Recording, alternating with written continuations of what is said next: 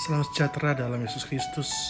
Bapak Ibu, saudara terkasih, kita berjumpa lagi dalam renungan harian edisi 12 Agustus 2020 bersama saya Pendeta Daniel.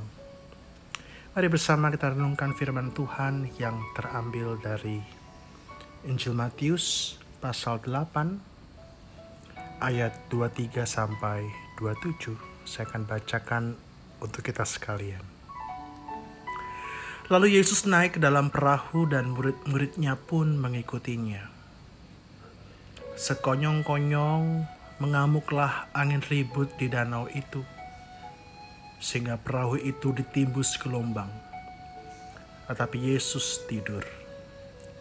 Maka datanglah murid-muridnya, membangunkan dia, katanya, Tuhan, tolonglah kita binasa. Ia berkata kepada mereka, Mengapa kamu takut? Kamu yang kurang percaya. Lalu bangunlah Yesus menghardik angin dan danau itu, maka danau itu menjadi teduh sekali. Dan heranlah orang-orang itu katanya, orang apakah dia ini? Sehingga angin dan danau pun taat kepadanya.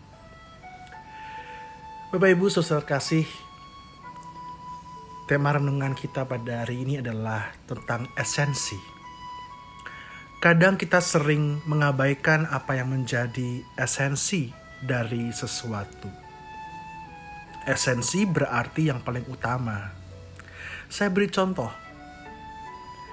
Anda bersama keluarga berencana makan malam bersama.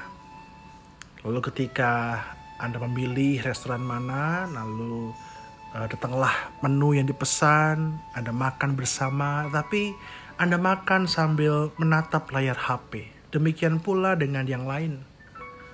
Sibuk membalas chatting, sibuk melihat sosial media sembari makan.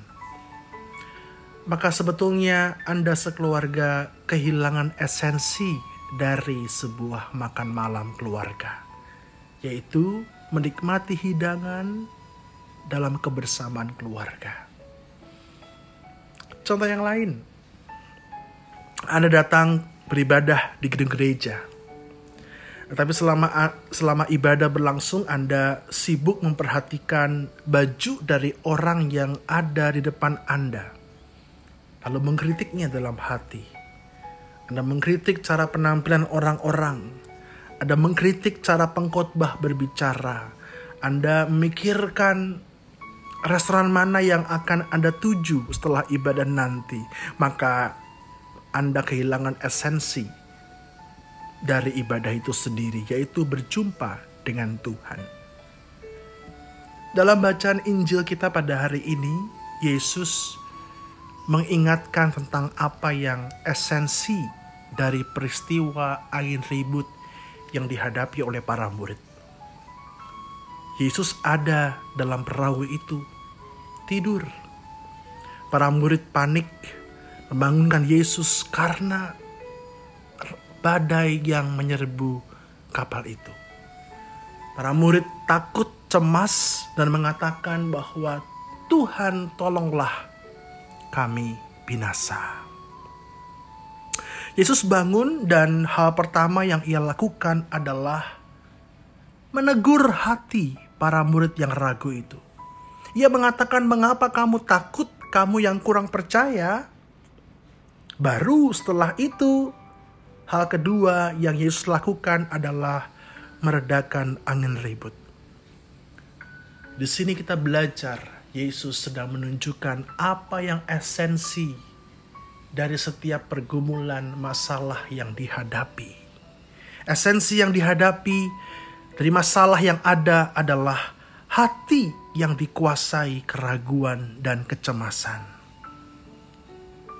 Padahal ada Yesus bersama dengan mereka. Angin ribut di danau itu bukanlah sesuatu yang besar kalau hati kita kuat menghadapinya. Dan bukankah para murid yang dulu berprofesi sebagai nelayan tahu tentu tentang iklim angin yang terjadi di danau. Pesan penting yang mau disampaikan firman Tuhan di sini adalah sering kali kita kehilangan atau mengabaikan esensi dari setiap peristiwa kehidupan kita. Hati. Setiap masalah pergumulan yang terjadi dalam kehidupan kita menjadi sulit dan besar ketika hati kita menciut Hati menjadi esensi dalam kehidupan kita yang harus kita jaga. Amsal 4 ayat 23 mengingatkan lagi kepada kita, jagalah hatimu dengan segala kewaspadaan.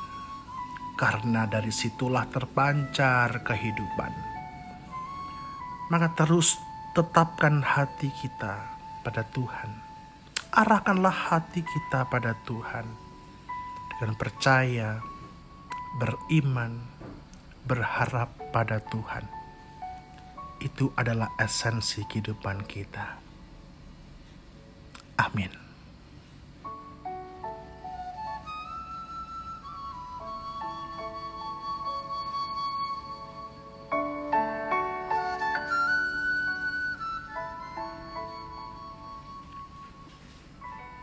Mari bersama kita berdoa. Tuhan tolong kami, agar hati kami boleh terus terarah kepadamu. Biarlah kami tidak kehilangan esensi dari hidup kami, yaitu hati yang beriman dan percaya kepadamu. Demi Yesus Kristus kami berdoa. Amin.